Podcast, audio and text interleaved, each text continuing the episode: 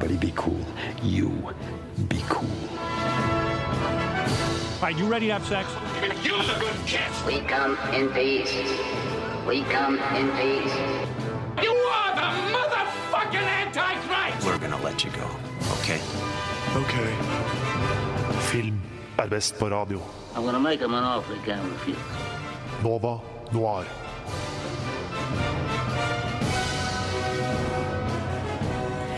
Hallo og god morgen her fra Chateauneuf. Nå er det tid for eh, filmprogrammet her på Radio Nova. Det er tid for Nova Noir. Mitt navn er Hanna Holm Aune, og i studio med meg i dag har jeg Hedvig Bø.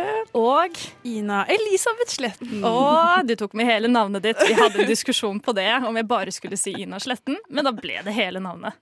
Har du noen kleine navn som du ikke ville nevne, eller Henrik? Maybe. Maybe. Skal vi si det? Jeg har også det. Ja da, jeg kan si det. Jeg heter Aud Hedvig Heinrich Bø. Det var et langt navn. Fjesene deres nå var priceless. Mitt fulle navn er Hanna Helene Holme Aune. Jeg har skikkelig mange hår i navnet mitt, for jeg har også hår på slutten av navnet mitt. Aune. Nei, av Hanna. ja, nok om navnene våre. Jeg ble veldig imponert. Takk. Aune? Aune. Nei. Um, ja, vi er eh, filmprogrammet her på Nova Noir. Vi skal ha en knall sending i dag. Jeg tenker vi starter med en liten sang. Der hørte du If I Were You av Claude. Nova Noir gir deg filmnytt og anmeldelser torsdager fra 10 til 12 på Radio Nova. Det har jo gått en uke siden vi snakka sist. Har dere sett noe spennende, Ina? Jeg har eh, faktisk blitt skikkelig glad i en eh, HBO-serie som heter Fasi eh, and Verden. eh, som handler om Nå er jeg et veldig musikalmenneske, da. Det handler om eh, Bob Fasi, som er eh, regissøren av Eller han sto bak masse musikaloppsetninger på Broadway. Sånn som Han var en av de første som han var den første som regisserte eh, Chicago på Broadway. Og så har han han som lagde Åh, jeg vet ikke hva den eh, andre filmen het. Cabaret. Han regisserte filmen og vant masse Oscarer for den og sånn. Men også var han gift med Gwen Worden, da, som var en danser og, og skuespiller eh, eh, fra teatret. Eh, som også var en kjempestor stjerne. Og så handler det om at de er gift og bare har et jævlig forhold, liksom. Og, ja. og det er kjempeinteressant. eh, Og det handler om hvordan de begge er vonde mot hverandre. Og hvordan det begynner med at det er Gwen som er liksom superstjernen. Og når hun blir eldre, så mister jo hun sin um, appeal, da, som folk syns ikke hun er like spennende lenger. Og så blir Bab Fasi plutselig kjempepopulær fordi han vinner også masse Oscarer og sånn. Og så det, hvordan det maktforholdet forandrer seg, da, og hvordan det er å leve i showbusiness, på en måte. Eh, og det er veldig interessant bare å se hvordan eh, Broadway var på den tiden, og, og ja, den store, det storhetstiden, da. Men er det, er det liksom dokumentar lagt opp som en sånn dokumentarserie, eller er det lagt opp mer som en fiction bare med satt liksom Nei, der? eh, det er spille... Det er, det er jo, og det, det som er også veldig kult, for det er Sam Rockwell som spiller Bob Fasi, og så er det Michelle Williams som spiller uh, Verden. Ah. Uh, så det er liksom Det er veldig gode, eh, veldig gode skuespillere, og eh, i hvert fall Michelle Williams er helt fantastisk, for hun har bare endret hele stemmen sin for å bli Gwen, og det, hun har snakket masse om det, hvordan det bare har liksom, slitet ut stemmebåndet hennes og sånn, og eh, Sam Rockwell er ikke jeg sånn superfan av, for jeg synes han alltid spiller litt sånn sleazy menn, men det gjør han veldig godt, eh, så absolutt, og han danser mye, og det, det var kult, det er veldig sånn Veldig godt gjennomført, da, med mye musikalnumre. Og, Kult. Ja. Det er alltid gøy, det er veldig gøy. Var det Det her er fiction, ikke sant? Rent uh, Det er basert på Nei, ja, ekte basert, mennesker. basert på Ja, men sånn basert på Ekte mennesker. Ja, OK. Jeg satte, ble helt satt ut der. Jeg bare, hva faen? Men ja, så i hvert fall anbefaler den veldig da til folk som Hva var det den het igjen? Uh, Fasi, og så er det slash Verden. Så okay. Fasi Verden. Navnet deres, liksom. Så ligger den på Mm. HBO. Yes. Cool. Hedvig, hva har du sett på? Jeg var på kino i går og så den nye Rocketman-filmen. Oh, Den bra? med Elton John. Uh, Den har fått veldig mye tilfelle, tilfe- sånn uh, rar tilbakemelding. Ja, det man, Altså, det er jo ikke så lenge siden Bohemian Rhapsody kom ut. Mm. Så jeg tror nok veldig mange veier den opp imot uh, Bohemian Rhapsody, for det er litt sånn samme stil, at det er liksom livet hans, men med musikkinnslag, holdt jeg på å si, for det, jo, det handler jo om livet til Elton John. Um, men den er også veldig annerledes, bare fordi historien hennes er jo veldig annerledes. Men eh, nei, jeg likte den veldig godt. Var, man blir litt sånn redd for at det er litt for musikal sånn i starten, for det er litt mer sånn folk bryter ut i dans og litt sånne ting. Men så på en måte kom man på at det er jo Elton John. Han er jo liksom holdt jeg på å si, knekk i håndleddet de luxe. Så gikk med sånne, Han ville jo gå med disse store kostymene og sånne ting. Så man får veldig følelsen om hvordan han er. da, at jeg, jeg tror at han jeg tror han vil elske den filmen skikkelig hardt. Og så gjør Taran Egerton bare en helt amazing job. Hvor gammel er det han skal være i sånn, Hvor stort tidsrom er det det rammer av Elton Johns Mm, liv? Jeg tror det er fra, det er fra han er liten, liksom fem-seks eller noe åtte. Oi, de har tatt med såpass, ja. Mm, fram til han er sånn eh, ja, kanskje 40-50. Det er litt vanskelig å si helt sånn, fordi Taran Egerton har ikke gjort liksom, store endringene sånn i Du ser ikke sånn veldig stor forskjell på ham fra han er eh, ungdom til han er liksom voksen. Men eh, jeg tror det er det til han er sånn. Ja, til 90-tallet, kanskje. Tidlig 2000-tallet. Jeg vet ikke. Det er fram til han gikk inn på rehab, for han var jo en eh, drug abuser de luxe. Så på et tidspunkt så gikk han inn på, til rehab, og da et, Det er liksom der filmen ender. Ja. Men vil du anbefale filmene? Altså hvis man liker musikk og Elton John og sånne ting, så absolutt. Men eh, jeg la merke til at det var kanskje litt sånn eh, høyere eh, aldersnivå i kinosalen. Så jeg vet ikke om det er noe å gå etter. Men sånn i, i forhold til Bohemian Rhapsody, da. At Mm. det, det høyna litt. ja, altså det er litt Det er kanskje Den Den er litt drøyere. Den er litt for eldre. Sånn. generasjonen over oss, oss, kanskje. Mens Bohemian Rhapsody var jo veldig rettet mot oss. Um, mens denne her er kanskje uh, Ja. Det er flere liksom eldregarden som, som elsker Elton John og sånn, da. Vet Ja. ikke. Men jeg elsker den, absolutt. Du elsker den, så du Absolutt. anbefaler den. Mm. Ja. Jeg har satt meg ned på HBO denne uka og funnet fram den nye miniserien Chernobyl. Oh my god. Og jeg har aldri vært så stressa av å se en serie. Med Stellan? noen gang. Med Stellan? Ja. Mhm. Um, ja, det handler da altså om ulykken, den atomulykken i Chernobyl på 80-tallet. Og den er eh, spilt inn på engelsk, eh, til tross for at vi er i Russland. Men så som jeg og Hedvig snakket om i går, da, så er det heldigvis ikke sånn at de har slappa på en sånn der rar russisk aksent for å få liksom the Mm. Russia feel. Så alle snakker tydelig og fint, og det, det er en veldig fin serie sånn sett, da, bortsett fra at du sitter liksom føler deg radioaktiv. Det er sånn, du føler deg sånn skitten mens du sitter og ser på det. Så jeg er sånn, jeg blir sykt stressa av den, egentlig. Den ser jo veldig, veldig god ut, da. Jeg har veldig lyst til å se den selv. Men den er også fiksjon. Eller den er basert på ulykken. Den er basert rent på ulykken. Eh, nå vet ikke jeg til hvilken grad alt det som skjer i serien er akkurat det som skjedde. Fordi Men karakterene, er de, de er fiksjonelle? Eller sånn de er lag... Jeg er faktisk Godt spørsmål. Godt spørsmål, for det vet jeg ikke. Um, jeg antar at Eller jeg veit at um, eh, ganske store deler av karakterene er fra virkeligheten, men jeg vet ikke til hvilken grad de eh, reflekterer hva som faktisk skjedde. Sånn eh, måten de snakker på, stillingene, hvor mye ansvar de hadde, da. Jeg føler at det er som i liksom, krigsfilmer fra andre verdenskrig, at den har samme feeling sånn på innhold, bare satt en annen tid. Da. Men at det er liksom samme, du må forholde deg til det på samme måte. Det er sånn, ja, det er kanskje ekte personer, men kanskje noen er lagt til. Men at det er på en måte det de har gått for. At det skal være liksom the truth. Men du Ja. vet jo ikke om det var akkurat sånn de sa det. Eller? Nei, de må sikkert legge det opp til at det blir mer spennende, da. Men jeg anbefaler den veldig. Jeg vil at alle sammen skal sette seg ned og Hele se på den. ulykken var jo bare helt psycho. Så Det er ikke så lenge siden Nei, det er ikke så det lenge siden. det. Og man ser jo fortsatt ettereffekter av det i dag. Ja. Det, er, eh, det er skikkelig sykt. Men uh, da må alle sette seg ned og se Chernobyl, så jeg har flere å snakke med om denne serien. Og Rocketman. Og Rocketman. Grow av Mia Berg. Da skal vi gå over til eh, dagens tema, som er nordmenn i utlandet. Og denne ideen kom fram da jeg, Hedvig og Sara hadde en samtale ute i januar Eh, har du lyst til å fortelle litt om det, Hedvig? Ja, for det hele begynte jo med Jeg så allerede Sint allerede. Syndig i øynene hennes. Så klar. Jo, nå skal jeg fortelle deg noe. da.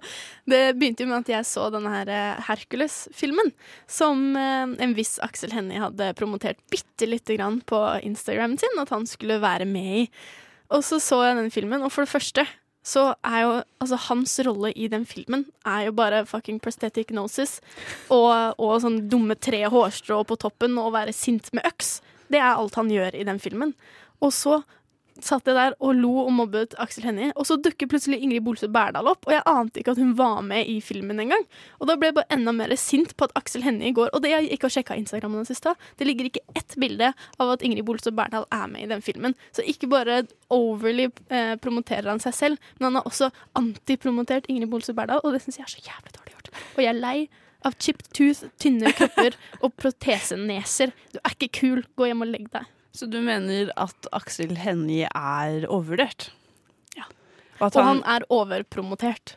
Det er sant. Og han har overpromotert seg selv på sosiale medier, og jeg syns folk kan slutte å si sånn Se, nå Aksel Hennie syns det, syns det var vanskelig å spille inn mordene i Kongo fordi han hadde dårlig sex etterpå. Det syns jeg er lame.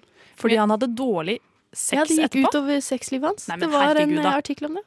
Men jeg føler at det er, det er så, så kronisk typisk eh, Norge. Sånn vi, og det er det på en måte vi eh, skal den sendingen snakke om de som ikke får oppmerksomhet. Men sånn som Aksel Hennie, da, med en gang en nordmann gjør noe eh, et annet sted enn Norge, så bare skriver man ekstremt mye om det og bare klikker helt. Men da blir det kanskje altfor mye fokus på Aksel Hennie, da, som man er, på, av en eller annen dum grunn er veldig populær i Norge. Og så er det bare hele attituden hans rundt det. At han er sånn At han prøver å late som seg så cool. Ja. Method actor. I'm so cool, og så er det bare Så spiller han bare en eller annen weirdo dude med altfor rar nese som ser ut som han holder på å falle av halvveis ut i filmen. Men jeg er veldig enig med at Aksel Hennie, når han ikke engang klarer å ta seg tid til å promotere en annen nordmann som jobber i samme film, da føler jeg at han eh, Jeg får et sånn inntrykk av at da svever han på en sky hvor han føler at han har blitt Hollywood-viktig. Mm, og at, at, det er ingen andre bortsett fra han. Og jeg føler at det liksom er en sånn tanke mange Altså, jeg visste jo ikke om at hun,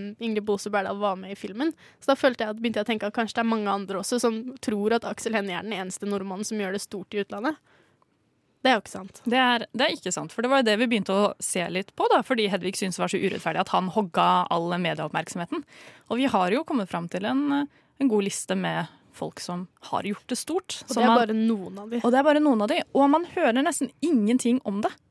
Men tror dere at det kan hende at fordi Aksel Hennie selv er ganske, er ganske på'n på å promotere, at det er derfor han får den plassen? Eller er det bare at vi i Norge generelt er veldig glad i han? Det, det, det tror jeg egentlig ikke.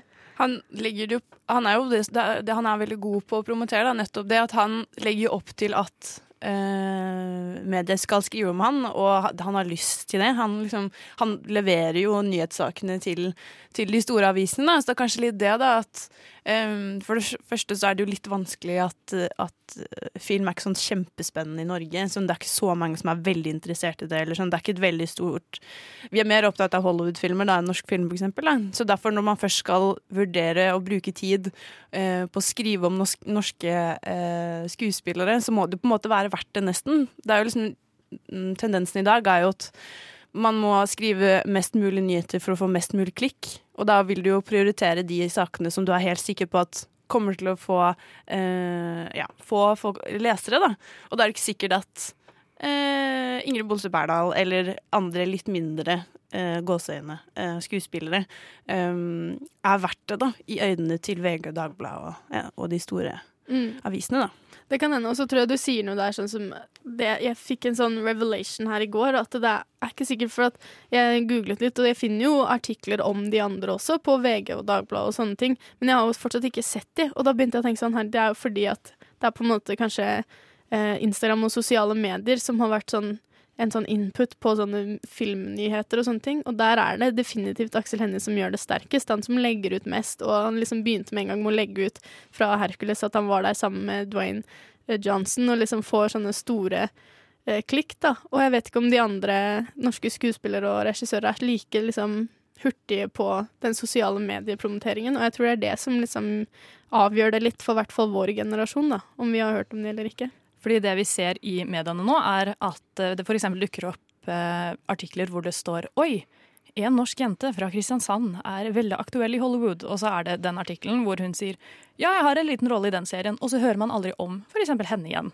Men Aksel Hennie er jo konstant. da. Han er veldig eh, Han gjennomfører det på en veldig god måte, har jeg inntrykk av. Promoteringen? Promoteringen, ja. Det er jo veldig janteloven alt sammen, egentlig. At uh, Aksel Hennie bare bryter den og er sånn 'se på meg, jeg er dritkul', jeg er jo bare med Dwayne, herregud, det er dritfett.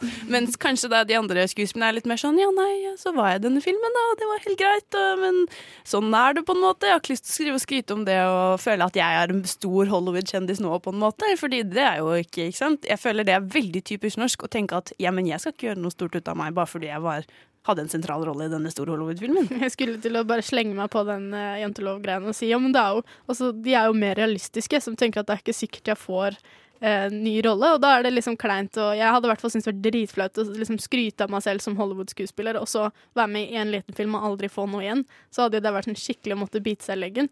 Men det bryr jo ikke Aksel Hennie om. Eller så er han så høy på seg selv, i mine øyne, da, høy på seg selv, at han liksom er 100% sikker på at det er Hollywood som er greia hans nå.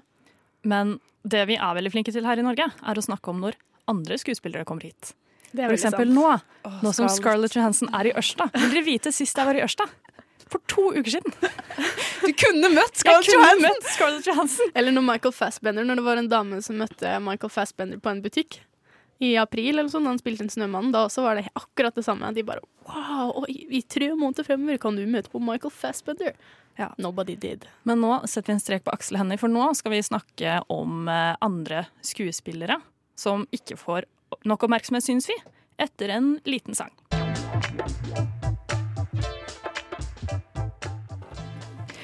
Boliglån av Leoparden hørte du der. Nå må vi nesten begynne å snakke om skuespillere som ikke er Aksel Hennie. Mm. About time. About uh, Hele, freaking hørte time. dere det? Hele norske samfunn. It's about time. It's Vi about legger time. den ballen på Eh, is. Holdt på å si død, men det var litt drøyt. Dette visste jo ikke du, Ina. Uh, men jeg og Hedvig, vi har jo snakket om dette ganske lenge, og vi utviklet en teori på at det er ikke så veldig mange som har andre navn enn Aksel Hennie oppi hodet sitt. Eller det var i hvert fall en antakelse vi hadde. Sånn, når man tenker på nordmenn som gjør det stort i utlandet, ja, det er Aksel Hennie, da. Og så nå i siste tid så har det blitt Kristoff Hivju. Mm. Så begynte vi å lure på er det andre navn som folk egentlig kan, eller er det en slags overbevisning jeg og Hedvig har? Mm, vi måtte jo rett og slett ut og teste teorien vår litt. Det måtte vi. Så vi skal eh, høre litt om det. Vi var eh, på Universitetet i Oslo i går. Nå til dags har det blitt lettere og lettere for eh, skuespillere å bli internasjonale. Men det vi lurer på her i Nova Noir, er om eh, enkelte skuespillere får mer oppmerksomhet enn andre. For eh, hvor mye hører vi egentlig om skuespillere som gjør det stort i utlandet? Nå til dags så hører vi ganske mye bl.a. om skuespiller Christopher Hivju og hans rolle i Game of Thrones. Tidligere så har Aksel Hennie fått mye oppmerksomhet for sin rolle i The Martian og i Hercules. Jeg og Hedvig tok oss derfor turen til Universitetet i Oslo, der vi stilte folk eh, de følgende spørsmålene. Kan du nevne noen eh, norske skuespillere som gjør det stort i utlandet? Eh, jeg vet vel nesten bare av han Kristoffer Hivju. Aksel Hennie. Har du også lyst til å svare? Det var vel egentlig han jeg òg tenkte på. Pluss hun som er med i Ja, å, Tormund Døgnsbein. Yes, det er navnet. Pluss hun som var med i um, den eh, serien som uh, handler om uh, robotene. Hun som er badass. Kristoffer Hivju. Hun der Hun Thea Sofie Lopnes. Ja. Ja, du har Kristoffer Hivju som gjør det stort om dagen. Eller vet ikke, vi får se hva han finner på etter Game of Thrones. Eh, Ingrid Baase Berdal er jo aktuell med ny sesong av eh, Westworld, ja, etter hvert. Jeg vet ikke hva Aksel Hennie driver med om dagen, men han er i hvert fall god på å skryte på seg at han eh, er stor i Hollywood. Aksel Hennie var vel med i en eller annen sånn stor produksjon. Ja, og Kristoffer Hivju. i Game of Thrones. Er det noen andre da som vi kommer på? Det hadde vært fint hvis det var noen kvinnelige, da. Ja, det hadde jo vært veldig fint hvis det var noen kvinnelige. Ja, så stort og stort. Det er ikke hun Thea Sofie Loch Ness med i en eller annen sånn serie. Hvilke filmer er det de har vært med på? Men var, ikke han med, var, han, var det han som var med i en eller annen film med han der DiCaprio, hvor han var stille og pusta mye? Og var veldig kald? Var det DiCaprio? Jeg tror du snakker om The Revenant. Ja, ja. Det var ikke Aksel Hennie, det var eh, Ja, Kristoffer Joner. Det var, det var Joner, ja. Stemmer. Internasjonalt. Ja. Og jeg husker ikke, det, det, men det var jo en sånn herre eldre krigsfilm. Men jeg husker ikke hva den het for noe. Ja, det er jo ja, Game of Thrones, Westworld, også Aksel Hennie var i den Hercules-filmen blant annet.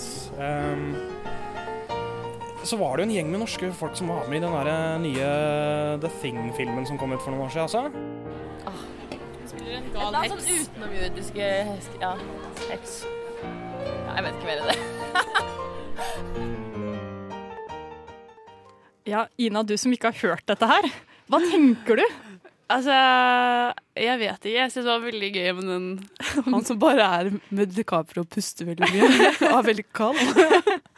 Nei, altså det er veldig åpenbart at eh, folk bare Altså, folk tenker jo på litt annerledes, men det er bare de kan ikke navnet. Sånn, de må bare være sånn Å, den filmen med de greiene og sånn. Og det er åpenbart at da har de jo ikke satt et veldig sterkt inntrykk. Da er det mest sannsynlig at de har lest om det. Altså, eller sett en overskrift sånn Denne personen er med i denne filmen, og det er kult. Men de vet egentlig ikke så veldig mye mer om det, virker det som, da. Det var faktisk en vi snakka med, men som jeg måtte klippe ut fordi lyden var så dårlig. Uh, som sa at uh, kanskje skuespillerne burde bli bedre på, på promotering. At det rett og slett ligger i det. Men da tenker jeg, kan ikke vi være litt PR for dem i dag, da? Jo, det gjør vi. Jeg synes det. Men hvordan var opplevelsen med å prate med Det var veldig mye um, Veldig mange som var litt bekymra når vi kom og sa at uh, vi skulle snakke om eh, skuespillere og regissører. Og omtrent 90 sa 'Å, men jeg kan jo ingenting om det'! Mm. Uh, Så vi måtte gå og fortelle at det, det går fint. da er det veldig få som uh, tydeligvis kan nok, Mm. eller ikke nok, som kan ting om dette her, da. Veldig sant. Men vi må jo også huske at vi skal jo ikke bare snakke om eh, skuespill, vi skal også snakke om regissører også, eh, som også gjør det stort. For jeg tror, det at, jeg tror faktisk veldig mange nordmenn gjør det ganske bra sånn bak kamera også. Sånn som eh, Variety har en sånn liste eh, som de kåres hvert år, som er up and coming eh, eh, cinematographers, da. Og, da var jo, og da nevner de sånn ti stykker som er, har en utmerket seg, og da var blant annet Benjamin Løb, som er Uh, Han kom fra, fra Bærum, tror jeg. Eh, og han var eh, eh, cinematographer for Mandy, den nye filmen med, med han fra National Treasure. Han eh, Nicolas Cage. Nicolas Cage. eh, og eh, gjorde det skikkelig bra der, da. Så det viser seg at liksom, nordmenn er kanskje ikke de mest sånn flamboyant foran kamera, men virker som at vi i hvert fall gjør en god jobb bak kamera òg. Det er veldig sant. Det jeg også syns er litt morsomt, var at eh, det var jo en som forvirret Kristoffer Joner og Aksel Hennie. For det er jo to skuespillere, veldig forskjellige skuespillere, men jeg tror kanskje det kan ha noe med at fordi Aksel Hennie gjør så mye, så blir han liksom bare plassert i hukommelsen til folk. Mm. Altså, ja, men det var sikkert Aksel Hennie, for han er med på så mye. Det er jo det jeg hadde Altså hele grunnen til at vi har denne sendinga også, er fordi at inni mitt hode så var det jo bare eh, Aksel Hennie som var ute og gjorde ting. Og det var alltid sånn Å, det er en nordmann som er med. Å ja, det er Aksel Hennie, ikke sant. Sikkert. sikkert og, så, og så så jeg jo også den Mission Impossible hvor Kristoffer Joner er med. Og da jeg satt og så den i kinosalen, så hadde jeg heller ikke fått med at han skulle være med. Og da, ble? Jeg ble overrasket over at Kristoffer Joner plutselig ligger i en seng og snakker med, snakker med um, Hva heter han? Oi, nå sto det helt stille. Ja. Jeg tenkte på Tommy Maguire. Han er det. Jeg vet ikke hvem det er engang. Anyways. Og da, da ble jeg bare så overrasket, sånn veldig positivt overrasket, da. Ja, fordi han, Christopher Kristoffer Joner har jo vært med på ganske mye kult i det siste, men fått veldig lite oppmerksomhet. da. Og det Mm. er jo dumt i seg selv. Jeg syns også eh, Jakob Oftebro har blitt veldig god. Han, eh, jeg hadde den samme opplevelsen eh, som deg, Hedvig, at jeg ikke visste at han skulle være med i eh, Tom of Finland. Eh, nå er jo ikke dette en, en rent amerikansk produksjon, men handler om da eh, Tom of Finland, som var en, en, tegneserieskaper for for homofile, da, tegnet homofile tegninger. Og eh, han drar til LA i et eller annet tidspunkt i filmen. Da møter han Jakob Oftebro! Som en sånn veldig sånn kul Så han veldig... spiller en amerikaner. Ja, ah, det og det gøy. var veldig gøy, for jeg var sånn du, er- Jeg vet så godt hvem du er, og du er absolutt ikke det. Men det, da blir jeg ekstra glad og veldig stolt på hans vegne. Det er sant. Det er også, um, Jakob Oftebro er jo en av de som gjør det veldig stort i utlandet. For vi ser jo nå at det begynner å liksom mikses mye mer sånn i Skandinavia. Da, at, de, at vi begynner å ta inn danske og svenske skuespillere hit, og at nordmenn, sånn som Jakob Oftebro, gjør det jo veldig stort i Danmark med den der um, Skammerens datter og sånn. Så det er jo flere som gjør det, men ikke, liksom, de har ikke kommet helt til Hollywood ennå, da. Du skal få holde på den tanken. Vi skal først Nei, du skal raskt nå få høre en liten sang, så skal vi snakke videre.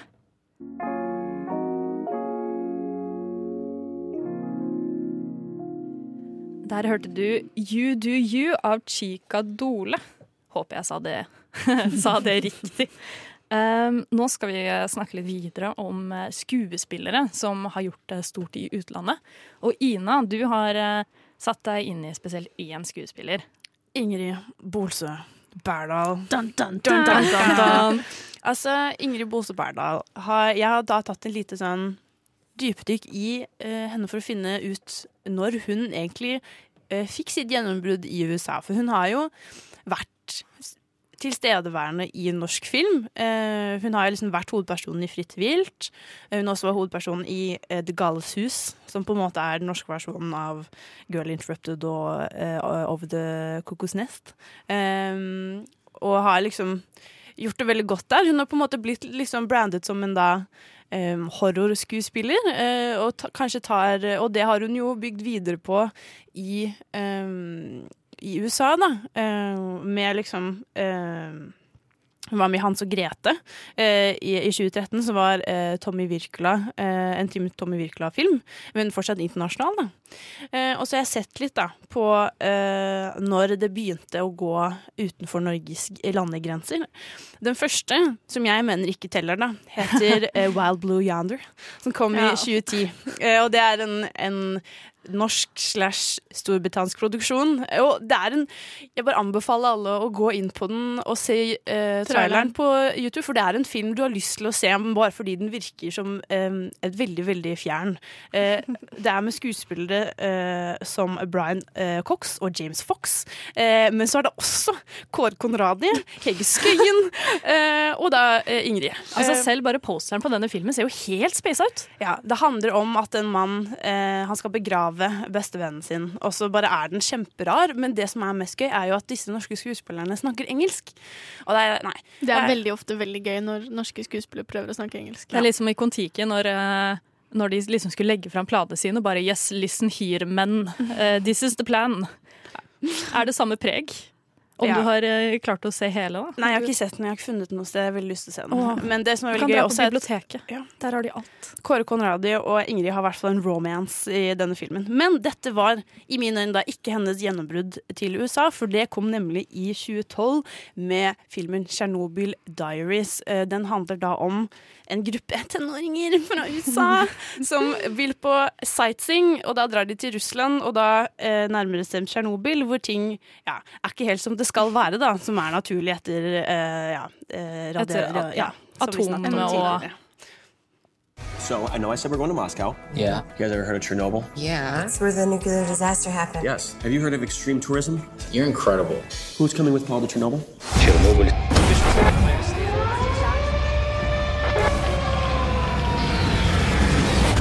We should go now. It's going to get dark soon.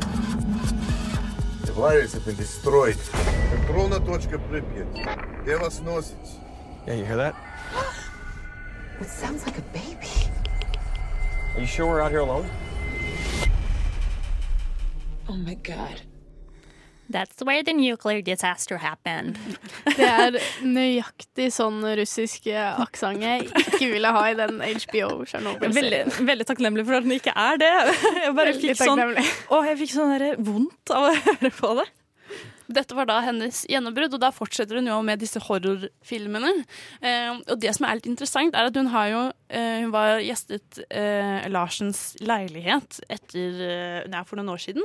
Og da snakket de nettopp om denne sånn tendensen av henne for å være med i actionfilmer. Hun har som ja, eh, Fritt vilt, eh, Chernobyl Diaries, Hans og Grete, hvor hun spiller en, eh, spiller en heks. Også i Den norske flukt fra 2012, hvor hun spiller med pil og bue og er litt sånn Mm. vikingkvinn. Um, men hun sa blant annet i det intervjuet at sånn, hun er veldig lei. Hun er ganske lei uh, pil og bue, hun er ganske lei action. Hun syns ikke det er det kuleste. Det er også som jeg syns er veldig eh, artig, da, at hun har liksom valgt Det virker som hun bevisst har valgt disse rollene, men kanskje det er det eneste hun har fått, da. Altså Rollen hennes også i Westworld, som er der hun kanskje er mest kjent størst, i dag, da. Um, der er hun jo også, sånn som vi hørte i uh, klippet litt tidligere, der, der hun spiller hun derre badass. Mm. Uh, og det, det er jo nettopp det hun er. Hun er jo en skikkelig, skikkelig rå karakter. Men som du sier, da, hun faller liksom i en sånn action-adventure-hule, da. Og liksom blir der. Og jeg har en sånn følelse på at det er kanskje derf at det er der hun gjør det best også. Men tror dere det da kommer av en sånn idé USA har av nordmenn? Fordi hun er jo veldig sånn, ser jo veldig tradisjonelt norsk ut med sitt blonde hår, eh, og ja, hun er veldig ah! Jeg mener, hun er Hun ser i hvert fall veldig norsk ut. Da. Hun er blond og har blå øyne. Ja. Og hun, eh, jeg kan liksom se for meg at hvis jeg hadde vært sånn i USA og vært sånn She looks like a viking. Og da ville jeg liksom Det virker som det er litt sånn stereotypisk cast av henne, da, egentlig.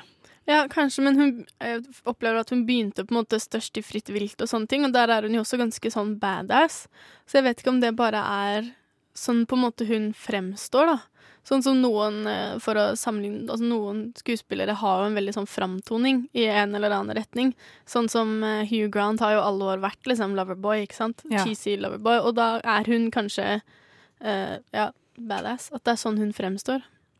Hun hadde eh, et par år med pause etter at hun var med i Hercules eh, sammen med, som vi snakket om da, eh, eh, Aksel Hennie. På et par år hun var med i den norske eh, Kvinner i for store herreskjorter i eh, 2015. Men da kom hun jo ikke tilbake før i 2017. Og da tror jeg hun faktisk var mer i sitt rette element, for da var hun med i en tysk eh, slash eh, USA-produksjon som heter Forget About Nick, eh, hvor hun spiller eh, Det er en, en helt forferdelig romantisk komedie hvor eh, karakterene snakker eh, med ge- gebrokkent engelsk. Så hun, she talks like this in the movie, even though we know she can't talk good English. Og det er, Den er bare kjemperar, og det virker som at dette, dette tyder jo på at det er det hun egentlig har lyst til å gjøre. da. Litt mer sånn romcoms, liksom? Ja, litt sånn koselig. Da er det kanskje litt dumt at hun uh, havna i Westworld-fella, da. Men nå er det jo eh, ikke nødvendigvis sannsynlig at hun blir med i neste sesong, slik jeg har skjønt det. Hun har jo en seksårskontrakt, da. OK, jeg tar det tilbake. Men det visste ikke jeg. det er jo mye som kan skje med kontrakter. Jeg tror ikke vi har sett det siste Jeg vet ikke om dere har sett Westworld, men jeg tror ikke vi har sett det siste av henne i, i den serien. for å si det sånn. Vi skal eh, fortsette å snakke om skuespillere i utlandet når vi kommer tilbake. Du lytter til Radio Nova. Da skal vi ha en liten pause fra våre norske skuespillere, fordi vi har fått besøk her i studio, og vi skal ha en liten anmeldelse.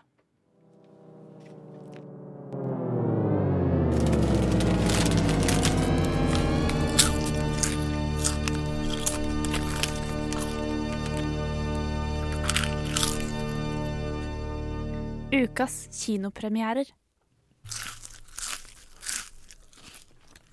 Hei, Bjørn! Hei sånn. Du har vært på kino. det har jeg. Hva er det du har sett? Jeg har vært på eh, kino og sett eh, den eh, nyeste John Wick-filmen, John Wick 3, eh, Parabellum. Og eh, for de som kanskje ikke er kjent med John Wick-serien enda, så kan jeg jo bare oppsummere litt. Eh, John Wick omhandler liksom protagonisten ved samme navn. Den er spilt av Keanu Reeves, en gammel hånd i den internasjonale skyggeverden.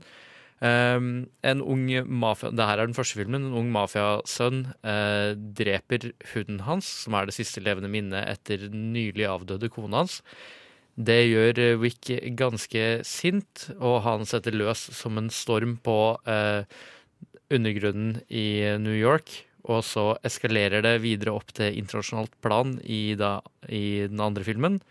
Og fortsetter å fordype inn i eh, systemet som opererer i eh, John Wick-verden i treeren. Og så kan vi jo eh, høre en liten trailer. Do you expect him to make it out? A $14 million bounty on his head. And everyone in the city wants a piece of it. I say the odds are about even. Dark, five seconds. John Wick, excommunicado in effect in three, two, one.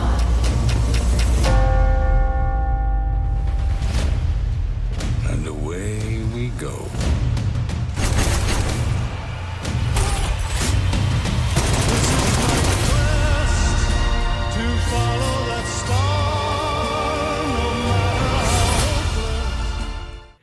Ja, det er mye, det er mye våpenlyder.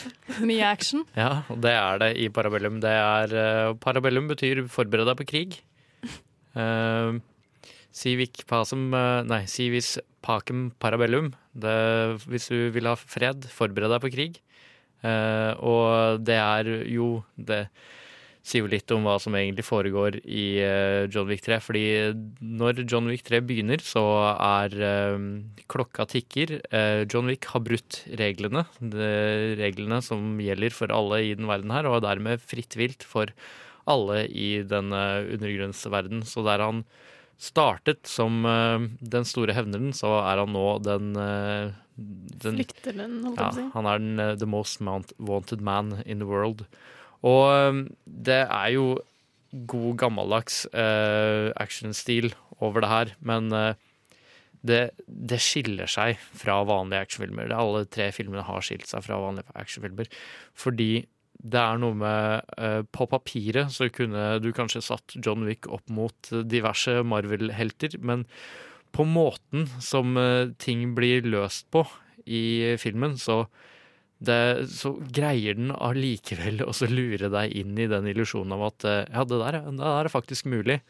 Eh, Når det er sagt, så hvis du er veldig glad i å henge deg opp i det sannsynlige og det usannsynlige, og frustrerer deg når ting ikke tar helt den logiske liksom, retningen som, eh, som du kanskje ønsker Hvis du ikke klarer å se en film uten å legge det til side, så kommer du nok til å slite med John Wick, fordi den er på sett og vis ganske overnaturlig. Det som eh, den virkelige styrken eh, til filmen er nok rett og slett at det er en stemningsbygning her som er av det helt enorme. Og noe av det som jeg merka meg når jeg kom ut av salen, var at eh, jeg hadde ikke egentlig tenkt noe over soundtracket. Jeg bare satt på, på enden av setet og var veldig engasjert. Og det er Du har et soundtrack her som ikke ikke Som holdt på å si glimrer med sitt fravær, men det gjør ikke det, for det er konstant der. Det bare er så bygd opp under stemningen og hendelsene i filmen at det blir nesten usynlig og bare fungerer til å fokusere den spenningen som du ser på skjermen.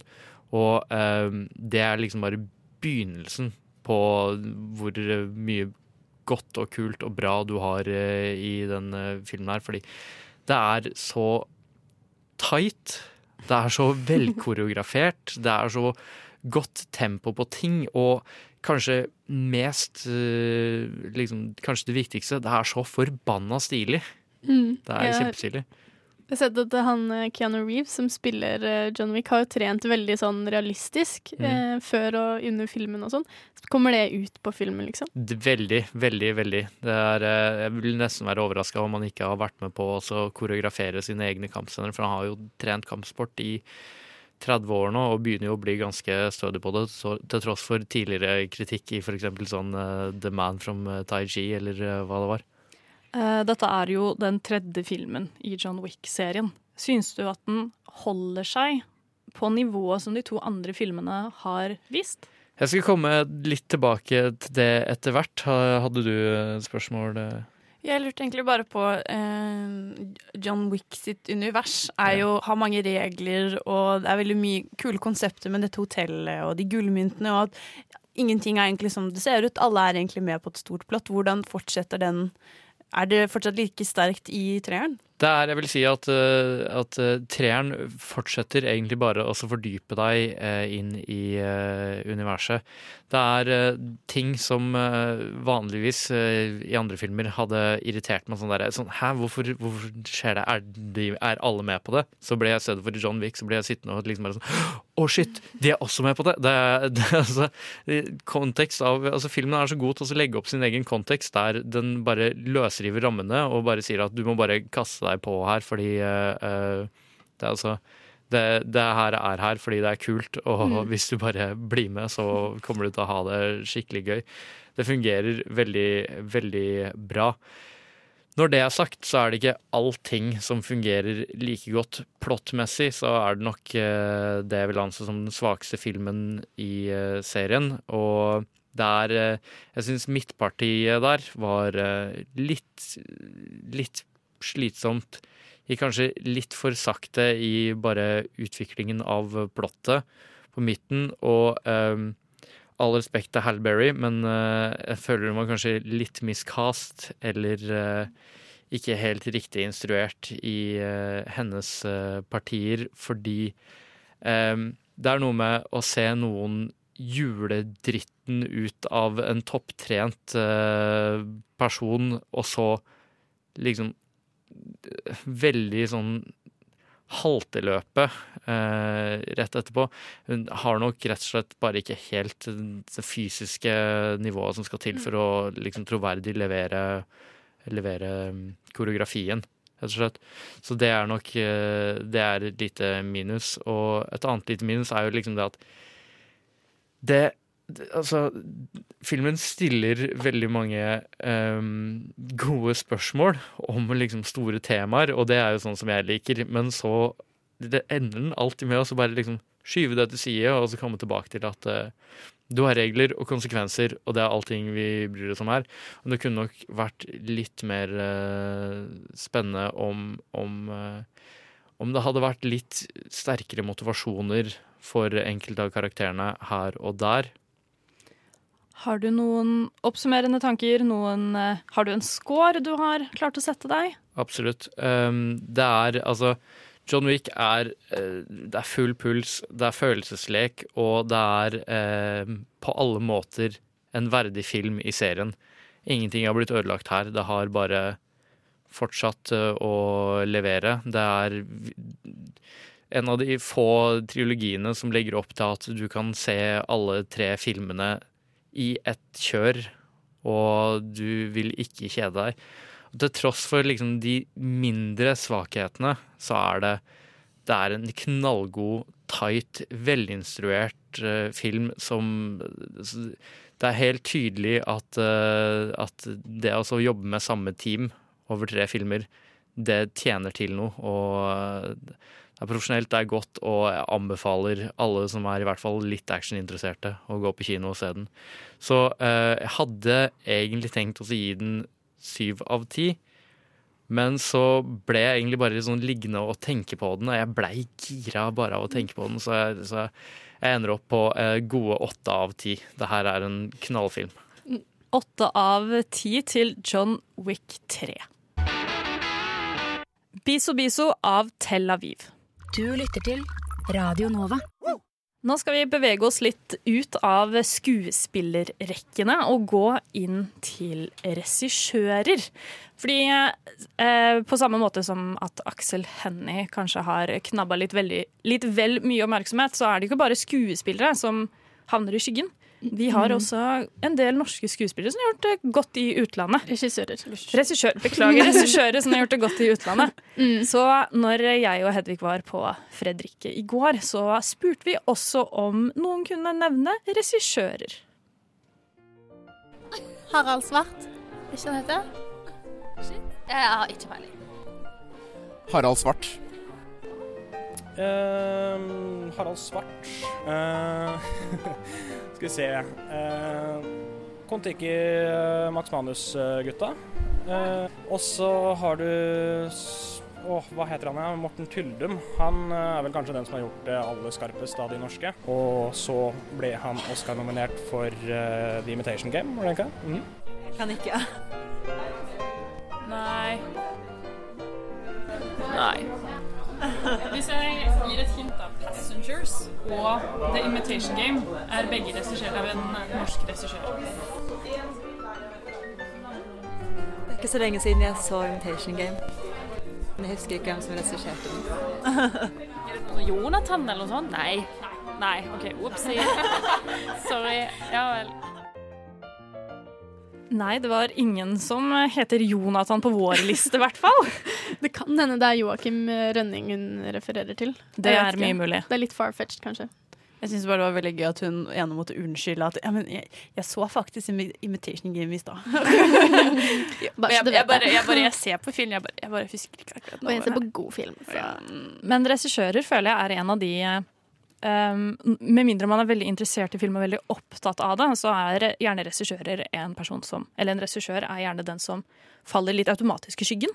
Fordi det er, det er liksom ikke regissøren som er the face av eh, filmen. Det er ikke selve promoteringsobjektet, på en måte. Var det noen som sa Tommy Wirkola? Nei. Nei. Det er vilt! Har du Ja, det føler jeg er et sånt navn Altså til og med jeg, Men jeg må jo innrømme at før jeg begynte her i, i Nova Noir og begynte å følge med på liksom, og faktisk se litt på creditsene på film, på rulletekstene, så kjente jo ikke jeg heller til Jeg hoppet jo alltid Jeg visste jo ingen regissører. Jeg visste jo ikke Christopher Nolan. Altså helt sånne basic navn. Jeg visste Peter Jackson, ja. Ja. Det var det. Vi og hør- Quentin Tarantino. Vi hørte også at uh, han ene refererte jo bare til Ja, så var det de gutta som lagde den filmen, da. Mm. Så navnene, de faller jo ofte vekk. Men det tror jeg eh, Da er det ikke så rart på en måte at hvis man ikke husker amerikanske store regissører, så skjønner jeg på en måte at da er det enda vanskeligere å huske de litt sånn sneve, eh, snevre norske. Eh, spesielt når Igjen da janteloven. Vi prater egentlig ikke så veldig mye om at vi har vært så kjempeflinke. Og så er det jo en grunn til at kanskje at de, de er jo bak kamera, mens skuespillere er jo vant til å vise seg frem og, og på en måte gi av seg selv hele tiden, mens regissører er jo vant til å få lov til å stå bak kamera, så det er, kan, faller dem kanskje ikke helt naturlig å liksom gå på Instagram og legge ut bilde og skryte av seg selv på den samme måten, da.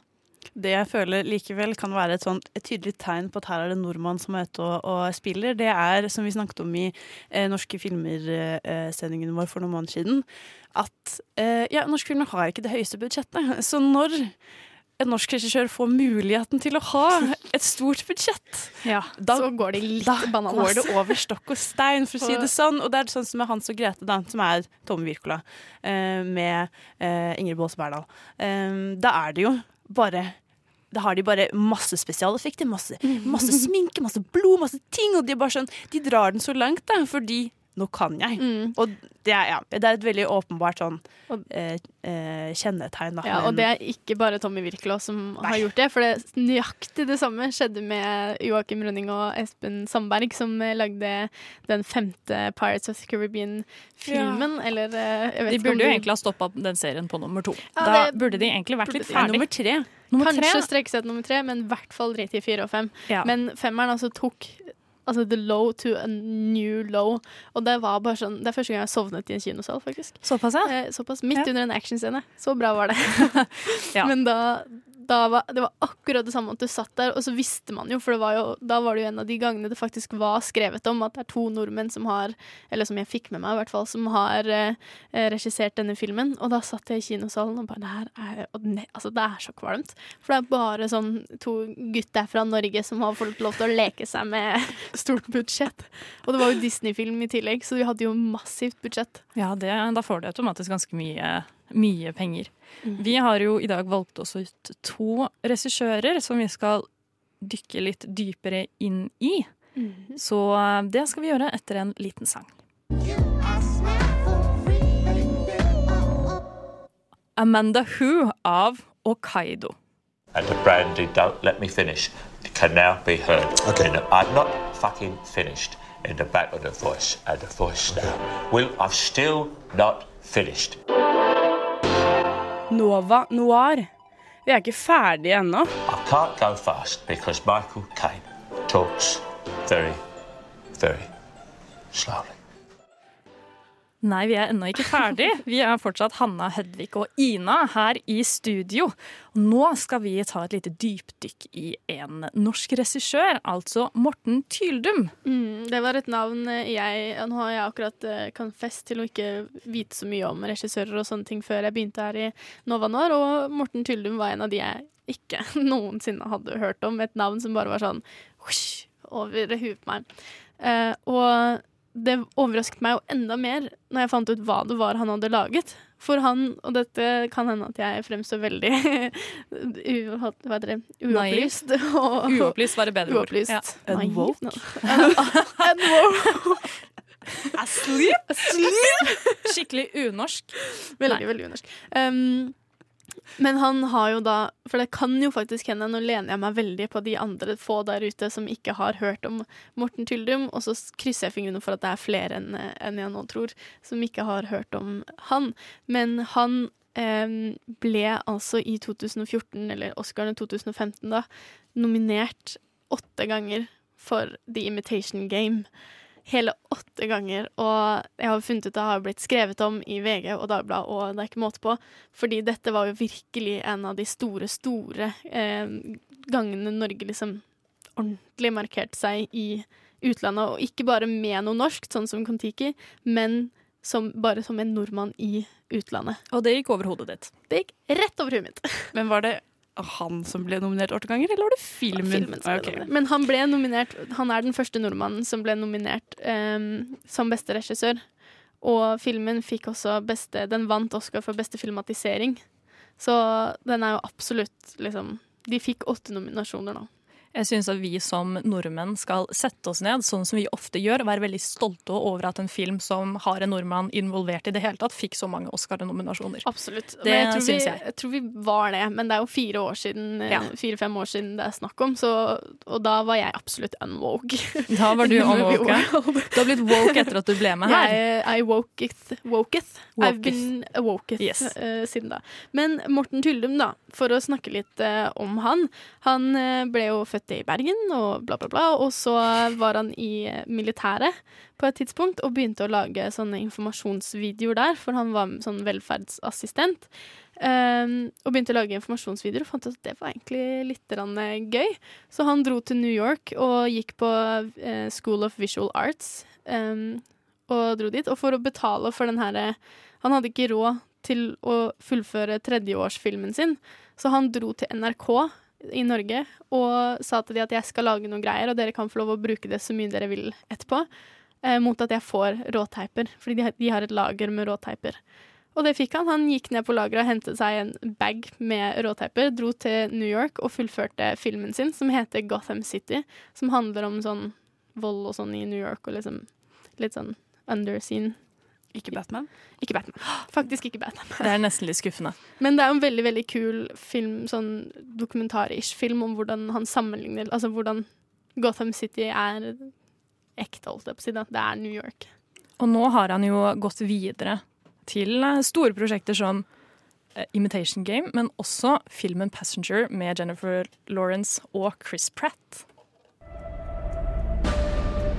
We boarded the Avalon with a destination. 120 years hibernation means we'll wake up in a new century on a new planet. But a year ago, everything changed. Hello? Anybody here? Hello? Do you know what's going on? Nobody else is awake. I think something went wrong with the hibernation pods. We woke up too soon. 90 years too soon. This can't be happening. We have to go back to sleep. We can't. Vi har ganske ulike meninger om denne filmen her. Jeg syns at, at det er en ganske stilren og kul film. At den er det, Nå får jeg veldig stygge blikk fra Ina. Hun bare ser på meg som om hun er skuffa. Jeg synes at den fungerer ganske godt som det den prøver å være. Jeg er ganske enig med deg til den, for jeg har jo da ikke sett hele, for jeg Nei. falt av halvveis. Men jeg er jo veldig enig i at den er stilfull og ren, og veldig sånn, og Morten Tylum er jo kjent for liksom form og stemning, og det må vi jo kunne si at denne filmen gjør veldig mye, da. Absolutt. Den er en veldig pen film, og det er veldig et kult, eh, en, et kult sted da, eh, på denne romstasjonen med mange fine eh, rom, sånn som den baren og sånn. Absolutt. Eh, jeg, mitt problem med denne filmen er bare at for det første så er historien eh, kjempeteit. eh, Har vi sagt hva den handler om? Filmen handler om eh, em, to stykker, eller en stor flåte som er på vei til et nytt solsystem for å starte en ny koloni. Og under denne prosessen så er, eh, så er det en karakter, Chris Pratt sin karakter. Plutselig så våkner han midt i reisen, for de skal jo sove i 120 år. Og han våkner 90 år i forveien. Og eh, etter et år så klikker han. Han klarer ikke å være alene. Han går bare rundt med masse roboter. Så det han gjør, er at han vekker en jente som heter Aurora, som er spilt av Jennifer Lawrence. Som han syns er pen. Så han, han syns at hun er veldig pen, så derfor må han jo Han må jo ha noen. Liksom. Han må jo ha noen å snakke med. Så da handler det om at han iscenesetter eh, hennes oppvåkning. Sånn at hun, ikke, hun tror at det også er et ikke At det har skjedd en feil med henne også. Ja, Og så får de denne kjærligheten, da, og så finner hun altså, ja, Det er bare kjempeteit og eh, kjipt, fordi han er jo bare en, en prick! Det er liksom, han bare tenker 'Å ja, ok, kjipt, jeg skjønner. Du skal, være, du skal dø der eh, alene, liksom. Men samtidig så velger du da å utsette noen andre for samme smerte og nederlag, på en måte. De, at du liksom dømmer noen andre til å leve med deg alene på et romskip de neste 90 årene. Det syns jeg er skikkelig råttent gjort. Det er råttent gjort, men tenker du ikke at det kan være litt sannsynlig? da? Fordi han har jo vært et år alene. Den eneste han har snakket med Ikke gi så blikk nå! Tenk da, du, sier- du er Jo, altså, det er mye mindre ting. Det er mye mindre ting som har drevet folk til å gjøre verre ting. Eller vi vet ikke om det fins noe som er verre enn egentlig å dømme noen til å bo alene. Bo med bare deg. De. Altså, jeg skjønner jo at det er, menneskelig. Det er jo et mirakel at de i det hele tatt kommer overens. Ja, det er sant. Men de har jo ikke noe valg, da. Tenk hvis hun var liksom- megarasist. Det hadde vært veldig flaut. Eller dyrehater. Det er jo en dritkul komedie. Hvis det er sånn, Man bygger det opp til at det skal være sånn en kjærlighet, det skal være så vakkert, og så bare er hun helt forferdelig. Det var kjempegøy. Det hadde kanskje vært en veldig annen twist. Karma's a bitch. en veldig annen twist på, på denne filmen. Vi skal fortsette å snakke om eh, Morten Tyllum når vi kommer tilbake. Der hørte du 'Silent Treatment' av Pelly Candy.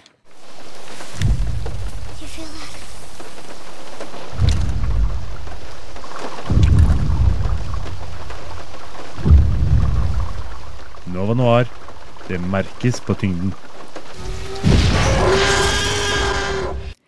Da skal vi fortsette å snakke om Morten Tyllum, Mm. og vi skal snakke litt mer i dybden om eh, filmen han er Oscar-nominert for, altså The Imitation Game. Imitation Game. Så jeg tenkte jeg kunne begynne litt mer med Du skal få lov å begynne. Morten Tyldum. Eh, han, det første han gjorde Han ble jo ansatt i NRK etter at han kom tilbake fra Amerika. Og så, i 2003, så ble jo han regissøren for Buddy. En eh, relativt kjent norsk eh, film. Det er kanskje en av de mest kjente sånn fra 2000-tallet. I tillegg til Uno og Uro. Tar jeg feil? Nei. Nei. Nikker. Nei, nikker. det er riktig, det. Ja. Jeg måtte bare ha litt backing. Confirm. Affirmative. Um, som var på en måte en sånn førstegangsfilm for alle som var med, bortsett fra Aksel Hennie. Men det var første gang alle de andre skuespillerne var på film, første gang kameramannen lagde film, og første gang han regisserte. Og den ble jo veldig eh, suksessfull. Og så har jo han da fortalt at han Det tok litt lang tid. Sier han i en dokumentar som ligger på NRK, så sier han at det tok litt lang tid før han kom i gang igjen, for du blir på en måte stuck i en sånn suksessloop, at hvis ikke det er suksessverdi, så er det ikke verdt å lage det. Men da tenkte jeg en annen gang vi har snakket om norske regissører lager jo veldig ofte bare én film, og så lager de ikke mer. Mm. Så da blir jeg litt sånn, jeg tror kanskje ikke fem år da er så veldig lang tid i compare, da. Og det er jo mange andre eh, USA, sånn regissører og sånn, som også bruker lengre tid enn fem år på å komme inn i det igjen. Ja. Så vi forventer liksom bare at fordi han er litt sånn suksessfull nå, at han skal liksom pumpe ut, da. Eh, og fremover skal han jo det. Men en em, Han begynte jo da med Buddy, og så eh, kom han i 2011 ut med Hodejegerne, som jo fikk veldig sånn eh, internasjonal suksess. Aksel Hennie. Aksel, Aksel Hennie. Der var han igjen. Der var han igjen.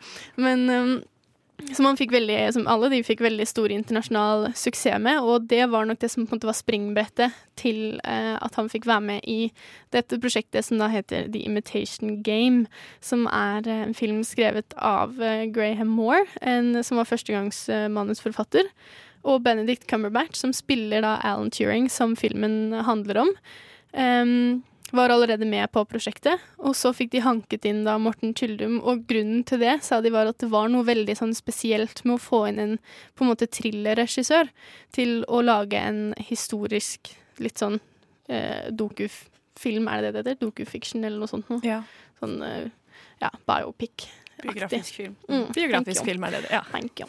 Og så mm, fordi Morten Tyldum mener da at livet hans er jo en thriller. Fordi, for de som ikke vet det, så var jo Alan Turing en, jeg tror det heter en kryptoanalytiker, eller noe sånt noe, som eh, løste sånne kryptiske koder og krypterte koder og sånne ting. Og under andre verdenskrig så ble han hyret eh, av eh, staten i eh, eh, Storbritannia. Storbritannia, thank you. Til å knekke em, Til å finne ut av, eller knekke enigmakoden til, eh, til eh, Tyskland. Tyskland og de der, der. Og Enigma var en sånn kodemaskin som, at, som var umulig å knekke for den også. Den hadde spesielle innstillinger, og den byttet innstillinger hver dag klokken eh, tolv, altså midt på natta. Og de hadde altså på grunn av måten den er laget på, så har de 150 millioner kombinasjoner som de må gjennom hver dag for å finne den riktige kombinasjonen. Og det er jo det Alan Turing da jobbet med. Så mm. På samme måte som 'Passenger' så syns jeg også at dette er en veldig, veldig stilren film. Den, Oh, yes. den, har, den går veldig for den samme tingen, som, og jeg syns at det funker veldig godt. Fordi ikke bare um, Ikke bare så er det spennende karakterer som er med på sin måte, og som har ganske dype Eller den har ganske dype Eller med Hvordan sier man det? Dype karakterer med eh, masse bakgrunn og Veldig tredimensjonale, Ja, kan man si. Mm. Han har jo fått med seg helt utrolig gode skuespillere. Det er jo Benedict Cumberbatch som spiller Alan Turing, og så er det Mark Strong som spiller en sånn eh, militær eh, fyr. Eller han er fra MI6, er han. Eh, og han har vært med i Kingsman og nylig i Shazam, for de som har Ja, sett den. Shazam. Og Keira Knightley er jo også klart med. Og en fyr som heter Charles Dance. Og for de som ikke vet det, så er jo det godeste Tywin Lannister. Det er også selveste uh, verdens kjekkeste, uh, min favorittkarakter i hele verden, Matthew Good, som er så med i denne filmen og spiller er love interest for Bendy Cumberbatch. Jeg tror det er han som gjør det. Ja. Er det når de er unge, eller han Hugh når de er voksne? Er han med svart hår? Begge to har svart hår. I hvert fall Matthew Good er eh, uh, min guilty pleasure i hele verden. Mm. Han spiller også i Downton Abbey, som er Ja, eh, kjæresten til Mary. Mm. Og den er jo altså, en veldig veldig god film som fikk veldig sånn critically acclaimed. Den ble jo da Oscar-nominert åtte ganger. Eh, blant annet fikk Morten Tuldemen en, eh, nominasjon for eh, beste regissør, som er første gang for en nordmann. Og den vant en Oscar for beste filmatisering. Eh, Det går jo da på manusforfatteren, men eh, det var jo veldig, veldig veldig stort. Og han er jo absolutt eh, mye i vinden nå i, i senere tid. Og etter dette her så gikk han jo da videre til Passengers, og han har jo eh, laget um, ja, masse. Han skal, Ifølge IMDb så skal han også lage noe som heter Pattern Recognition, som også er en thriller som kommer. Og han er, skal jobbe sammen med Alicia Vikander for å lage noe som heter The Marshes King. The Marsh King's Daughter, som også skal være en, en eh, thriller. Så han er absolutt eh, ettertraktet i Hollywood for tiden. For å, jeg tror jeg vet hva Ina kommer til å svare, men av Imitation Game og Passengers, hvilken synes dere er best? Imitation Game, åpenbart. Imitation Game. Jeg, jeg er, Det er mye enig. bedre historie, Men bare. jeg er en sucker for sånne historiske filmer. andre verdenskrig-filmer. Det, det er jeg òg.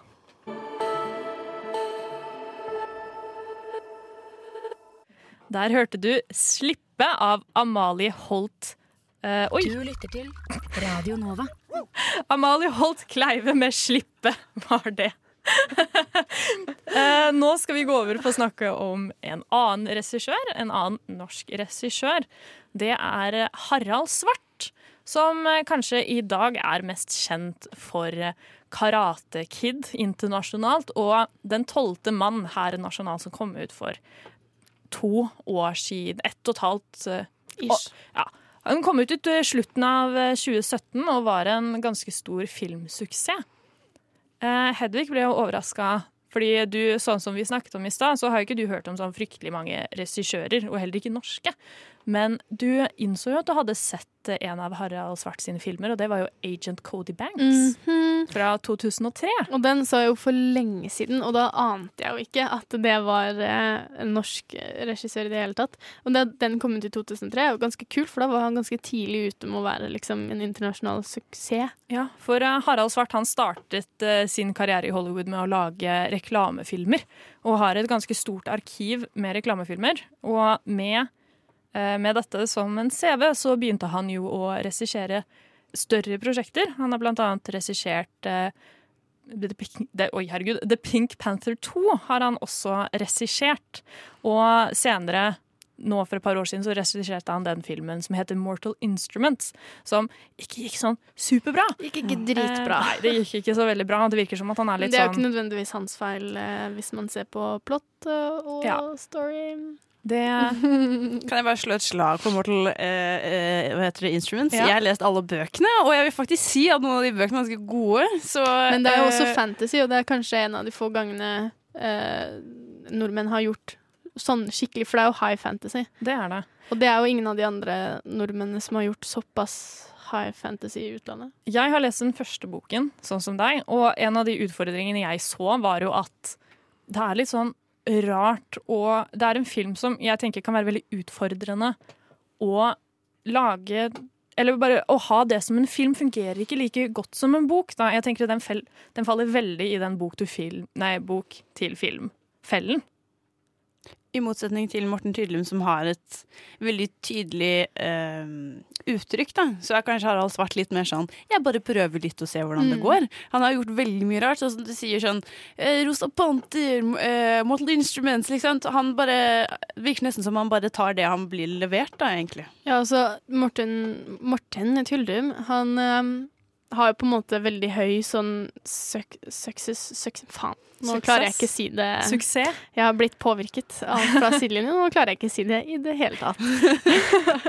Men han, han har veldig høy standard da, på filmene sine, og selv om det er eh, varierte meninger om hvordan om Passenger funker, men så er den jo veldig stilren og veldig høy kvalitet likevel på liksom, utformingen, da. Mens Harald Svart har kanskje litt mer sånn som du sier, da, jeg gjør det jeg vil, og kanskje ligger litt mer på sånn middelmådige filmer, sånn firerfilmer, men som gjør det godt, og som er kule. Men de er kanskje litt mer sånn standardfilmer. Ja, kanskje det. Han, øh, han har en eh, tendens, virker det som, at han har eh, planlagt filmen ganske lenge. Som Den tolvte mann begynte han jo å planlegge etter at han leste en bok om, øh, om hovedkarakter Jan Jeg glemte hva hovedkarakteren heter. Kleint. Men han begynte i hvert fall etter å ha lest en bok. Eh, Så begynte han å planlegge denne filmen og hvordan den skulle se ut. Han heter Jan Baalsrud, eh, heter hovedkarakteren. Um, og på samme måte um, så virker det som at han har vært ganske interessert i å lage en remake av Karate Kid, som han fikk eh, gjøre med Jackie Chan og Jaden Smith. Som er vel de største navnene som han per dags dato har jobbet med. Som er jo kult i seg selv. Det er jo en stor produksjon, var produsert i Filmet store deler i Kina, eller mesteparten i Mm. Kina. Og hadde Til tross for at det var en remake, så var den jo veldig godt uh, eh, tatt imot av publikum. Absolutt. Vi kan jo høre en liten trailer, kanskje? Gonna do something? I just wanna go home. This is home. I thought you were just a maintenance man. The only way to stop them is to face them. I will teach you real kung fu. Check out.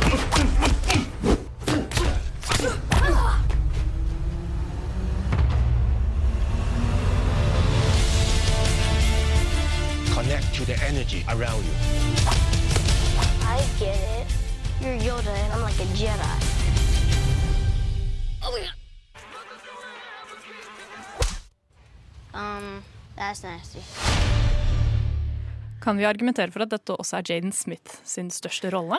Ja. Har han hatt ja, det, Han har også spilt i The Pursuit of Happiness sammen med Mhm. Will Smith, hvor han også, men der er han så liten at jeg vet ikke om man kan eh, si at han gjør en sånn fryktelig god jobb der. Men i den filmen jeg så, når jeg så traileren igjen nå, så kom jeg på at han gjør egentlig en veldig, veldig god jobb i denne filmen. Ja, for han er jo Han, er jo barne, han, er jo, han var jo barn når han spilte inn dette. Han var jo veldig ung. Jeg husker ikke hvor gammel han var. Når han spilte Um, han var elleve, tror jeg. Sikkert. Han, han var i hvert fall ganske liten, da, og fikk jo sin plass i Smith-familien etter denne filmen. Jaden Smith skal jo for øvrig spille Kanye West i en, eh, i en uh, ny serie. Hva da, Når han er liten, da, håper jeg. Nei, nei. Han skal spille en ung Kanye West. Oi, oi, oi. Han har Mhm. også, Jaden Smith har forresten også laget en anime-serie som ligger på Netflix. Som er, jeg tror, det er det verste jeg noensinne har sett. Er, jeg ble flau. Det, var, det, det er den rareste pacingen jeg noen gang har sett i en serie noensinne, og det gir ingenting i mening. Altså, motivasjon, alt. Det, sånn, det virker som at de har tatt liksom Dere husker hvordan Twitteren til Jaden Smith så ut for et par år siden? Ingen! Herregud! Er det ingen som Teknikeren nikker. Hun er mer woke enn dere. Jeg har aldri hatt Twitter. Nei, ikke jeg heller, men det dukker jo opp steder selv om du ikke har hu... Herregud, får dere gi dere. Men tilbake til, til Harald Svart, som det var egentlig vi skulle snakke Litt av digresjon. Litt av, ja, en liten en. Han er jo han vil jeg slå slaget for at etter Morten Tyldum så er jo han Norges mest kjente internasjonale regissør. Det er i hvert fall et navn jeg har hørt mange ganger før. Da. For Ja. han har også vært eh, på en måte, i gamet veldig mye lenger, sånn stort. Da. Men jeg føler på en måte at jeg bedre kjenner til navnet hans enn filmene Ja. hans. Eh, Det virker som at han har heller Kanskje dette er en effekt av at vi har liksom prøvd å bygge opp norske regissører i utlandet, og så har vi sett at øh, han får kanskje ikke til så sykt mye likevel. Så, Ja, at eh, vi har hypet han ja, masse. Så vi også. alle vet hvem Harald Svart er, men vet vi egentlig hva han har laget? Det Mhm. syns jeg er mer sånn Ja, det er veldig kjipt, da. Jeg tror en av grunnene til at han er mer kjent her i Norge, er fordi han pleier å ta med førpremierene sine til Norge. Som for eksempel når eh, Karate Kid kom ut, så tok han jo med seg Jaden Smith og Will Smith, hele Smith-familien og Jackie Chan og andre skuespillere med til Fredrikstad, der han er fra, og hadde eh, en internasjonal premiere der, samtidig som den gikk i, i Hollywood og i USA. Apropos eh, Fredrikstad, så fikk jeg vite at det på, i den Agent Cody Banks, så Ja. henger det, som var en sånn barndomsfilm, så henger det et eh, Frekstad-flagg eh, på rommet til Visste Agent du, Cody Banks. visste du at i alle filmene Harald Svart har regissert, så henger det et sånt flagg? Wow. Det er gjemt et eller annet sted i alle filmene. Så når jeg jeg, så de Fredrikstad hadde et eget flagg. I Den tolvte mann òg. Er det det? Er det det? Nei, jeg vet ikke. Jeg, jeg Altså- stiller spørsmål Altså, jeg at det dukket du opp et flagg der. Jeg og mamma pleier å se disse filmene sammen. Og vi var og så Den tolvte mann på kino, og da hadde vi begge innstilt oss på at nå må vi finne det flagget. Men jeg Panterflagget? Nei, ikke den filmen. Kanskje, men, det er en av hans mest seriøse filmer i senere tid. Kontinuitetsfeil Ja, hadde er vært det. kjipt. Men vi har, eh, vi har sett det i alle andre filmene vi har, eh, har sett. Når eh, vi kommer tilbake nå, så skal vi ha en ny anmeldelse. Du lytter til Radio Nova. Anything av Grace Ives. Nova Noir presenterer ukens kinopremierer.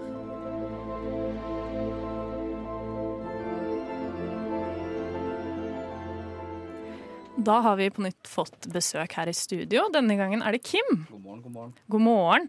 Du har eh, også vært på kino. Det er riktig. Um, jeg har vært og sett oppfølgeren til Godzilla fra 2014. Den her heter Godzilla 2, King of the Monsters. Den er uh, Vi følger nok en gang en gruppe med kjempe... Altså en slags kjempemonsterstudiegruppe i denne filmen som heter Monarch. Um, det her, Handlinga i denne filmen finner sted fem år etter den første Godzilla-filmen. What we are witnessing here is the return of Titans.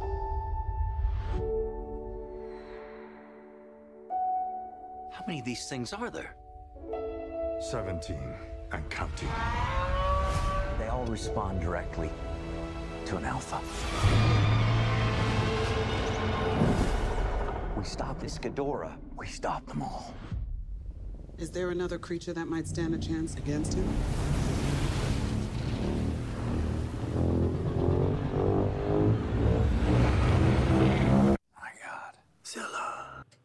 Godzilla! Mm. Ja, det, traileren sa jo egentlig det meste. Det som skjer, er at vi um, uh, Vi har jo en familie, da. Så vi har Millie Bobby Brown som er dattera, og så har vi fraskilte foreldre. Uh, og dattera og mora blir jo da kidnappa av en gruppe med økoterrorister. Uh, hvis mål er å vekke til live de, de varierende titansene som ligger og sover rundt omkring i verden. da. og det som da skjer, er at de vekker Godzilla sin erkenemesis uh, Gidora, den trehoda dragen, til live. Og om det er en bra ting eller ikke, det er ikke en veldig bra ting. Um, ja, så greia blir jo da at Godzilla på en måte tar litt på seg hva skal jeg si, ikke rollen som helt eller noe, men på en måte antihelten, da, fordi uh, den krigen da om plassen som topprovdyr kommer til å ha veldig mye å si for jordas skjebne. Det her høres veldig intens ut, men det jeg blir mest overraska av, er jo at Godzilla blir på en måte the good guy. Fordi i alle filmene tidligere så har jo Godzilla vært det største problemet mm. som menneskeheten har måttet deale med, da. Mm. Ja, nei, det, det, blir ganske fort tydelig hvorfor han eh, er En good guy han ikke, men han er the lesser of two evils i dette mm. tilfellet. Ja. Og filmen er Hva skal jeg si? Jeg gikk inn i filmen sånn helt uten forventninger, men jeg har jo en sånn viss forkjærlighet for liksom sånn monsterfilmer, noen blockbustere. Uh, for eksempel så er jeg veldig glad i første Pacific Rim, som jeg syns føltes som et friskt pust uh, til sjangeren. Uh, litt på grunn av hva jeg skal si, sjarme. Og så traff de de rette notene. Da. Ikke at den var noe sjangerrevolusjonerende på noen som helst måte, men det var, det var liksom en film som føltes engasjerende. da. så jeg kommer nok til å trekke et par paralleller til Pacific Rim. Um, skal vi se Godzilla 2 den krysser egentlig av på mer eller mindre samtlige checkboxer for sånne her filmer. Da. Den har et par overkvalifiserte skuespillere. Vi har Vera Famiga, vi har Charles Dance, vi har Ken Watanabe. Familiedrama som den menneskelige kjernen. Det er effekttungt, men overdåd av knusing og dramatisk musikk, og vi har munnrappe vitenskapsmenn. Hvordan gjør egentlig uh, Millie Bobby Brown det? Hun er jo mest kjent fra, fra Stranger Things. Mm. Uh, og jeg har en, en, tanke om at hun kanskje ikke har så veldig mye mer annet å gjøre. Så jeg bare lurte på hvordan hun uh, Ja, hvordan klarer hun seg, da? Ja, opp mot Godzilla? det er filmdebuten hennes, da. hun gjør en hva skal jeg si, hun gjør en OK rolle. det er jo egentlig karakterer som har ballegrunn dybde, egentlig. Det er ikke noe sånn det er ikke så mye å spille på, egentlig. Derfor jeg sier litt sånn overkvalifiserte skuespiller, for det er liksom det er ikke menneskene som spiller hovedrollen i denne filmen. Hvordan fungerer CGI og effektene? Fordi det er jo en stor, en stor del av filmen. Mm, effektene er veldig bra. Eh, det er egentlig litt å, eller i hvert fall de visuelle effektene er veldig bra. Det er jo litt å forvente av en film som har et budsjett på om lag 200 millioner amerikanske dollar. Eh, så CGI-en veldig bra. Godzilla går litt awkward, men jeg tror det er litt med hensikt, liksom en callback til tidligere filmer, da, hvor han uh, ble beskrevet som ikke appellerbar, men uh, han traff litt bedre oss, det japanske publikum, back in the day, fordi ja, han er et stort monster, han er kjempeskummel, alt, men han bevegde seg litt sånn mekanisk og litt sånn sårbart, på en måte. Um, musikken, derimot, det er en litt sånn ting som jeg kommer til å terpe på, fordi ofte i sånne store slåssescener, man skal mikse lyder og sånn, så blir det veldig sånn bang, crash, boom, ikke sant? Og da er det viktig for meg at det er musikk og et sånn tydelig lydspor som på en måte engasjerer, da. Og den var ikke-eksisterende. Du kunne egentlig ha spilt det samme lydsporet for alle slåssescenene uten at jeg hadde lagt merke til det. For når jeg, jeg så traileren, og så ble jeg litt overraska, fordi de bruker jo Over the Rainbow fra The Wizard of Oz mm. som, som, en effekt. Er det også med i filmen? Bare sånn Nei. Ikke? Ja, det, er, det er godt, da. Ikke som er la merke til. Ja, det var litt godt, for jeg begynte bare å le. Jeg klarte jo ikke å ta det seriøst lenger da. ja, nei, musikken er i all hoved i, i alle i stor grad så er musikken bare liksom dramatiske horn av et eller annet slag som spilles, og bare drukner i bakgrunnen av knusing av bygninger og brøling. Men om du skal sammenligne med den, ja, som Pacific Rim og tidligere Godzilla-filmer, og King Kong for øvrig, mm. hvordan stiller den seg egentlig blant de? Er den verdt å få med seg? Er, er den ja. Det er litt her egentlig problemet mitt med den er, fordi som sagt den treffer litt på effektene. Uh, og så har du en liksom grei 2019-ifisering av den, hvor du har de økoterroristene som liksom de kjører litt den der Thanos, uh, Thanos fra Avengers-stilen. At ja, ok, mennesker er drit, så vi er nødt til å sjekke mennesker. Og måten de som sjekke mennesker på, er å vekke Titans til live ikke sant? for å gjenopprette den naturlige orden. Så jeg gir dem på en måte props for det. Du tar liksom en, en, en filmserie da, som har gått i et halvt århundre, og du klarer liksom å presse den i 2019 på en grei måte. Uh, når det er sagt, uh, så er filmer rett og slett uengasjerende. Uh, jeg fant meg sjøl i å på en måte veksle mellom å kjede meg og på en måte oppleve viewers fatigue, som er liksom når det er så mye som skjer, du blir liksom bombardert av så mye greier at du rett og slett blir sliten av å se på det. Og um, der da for eksempel Pacific Rim hadde en større vekta på menneskene, og um, hva jeg skal si, det, det var den menneskelige storylinen spiller en større rolle, den var mye mer interessant å få med seg, så blir filmen, altså Pacific Rim, i forhold til blir mer relaterbar. Så her har du Godzilla er hovedpersonen, men Godzilla er jo på en måte et monster uten noen form for personlighet eller noe. Så du sitter egentlig bare og Hva skal jeg si Du bryr deg ikke om historien i det hele tatt. Og ikke at jeg klandrer en sånn film for det i det hele tatt, men Jeg lurte litt på For dette er jo toeren. Mm. Men hvordan fortsetter Altså er det en fortsettelse av den første, eller ikke den første, men den forrige Godzilla-filmen, eller er den e- blitt mer av en egenstående film som de bare har kalt uh, toeren? Kan man gå og se den uten å ha sett eneren, liksom? du kan gå og se den uten å ha sett eneren. Så det de som henger sagt, ikke sånn veldig sammen. Historien henger nokså mye sammen, men du får en ganske grei recap av ena i toeren. Og det er ikke så mange skuespillere som henger igjen, som var i ena, som følger med til to av det. Har du eh, en karakter til oss? Ja.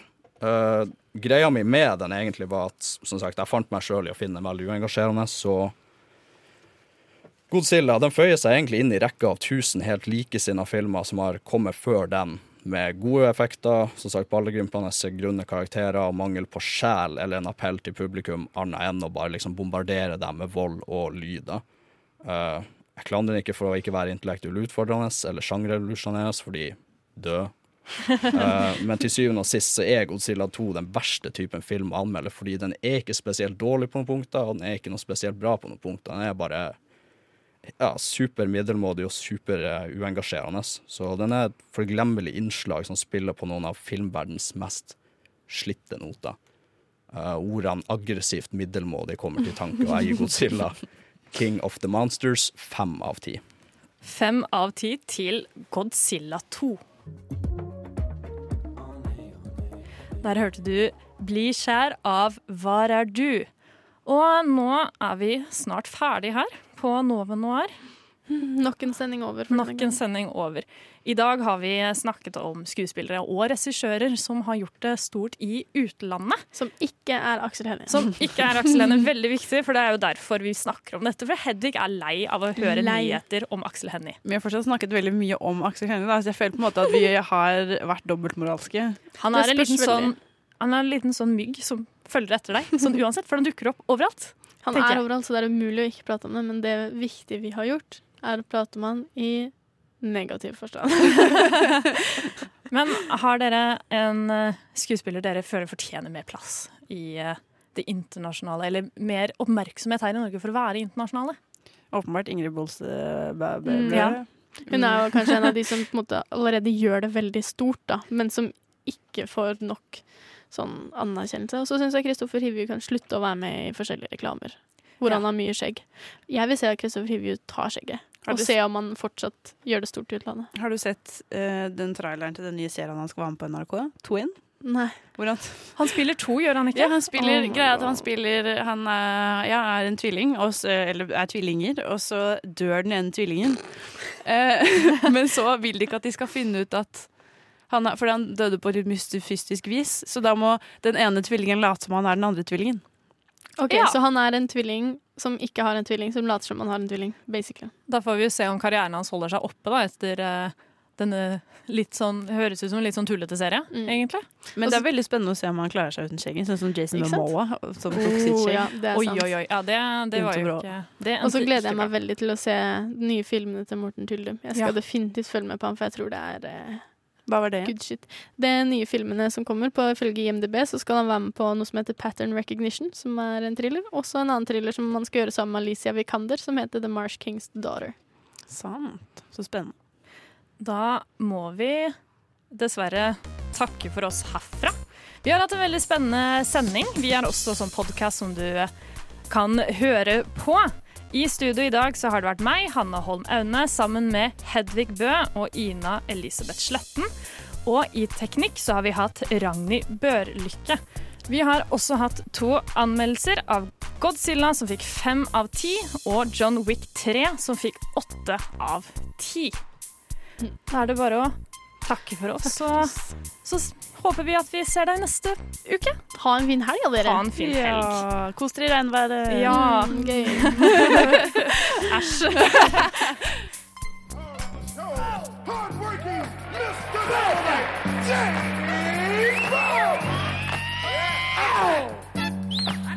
I'm back! I'm back!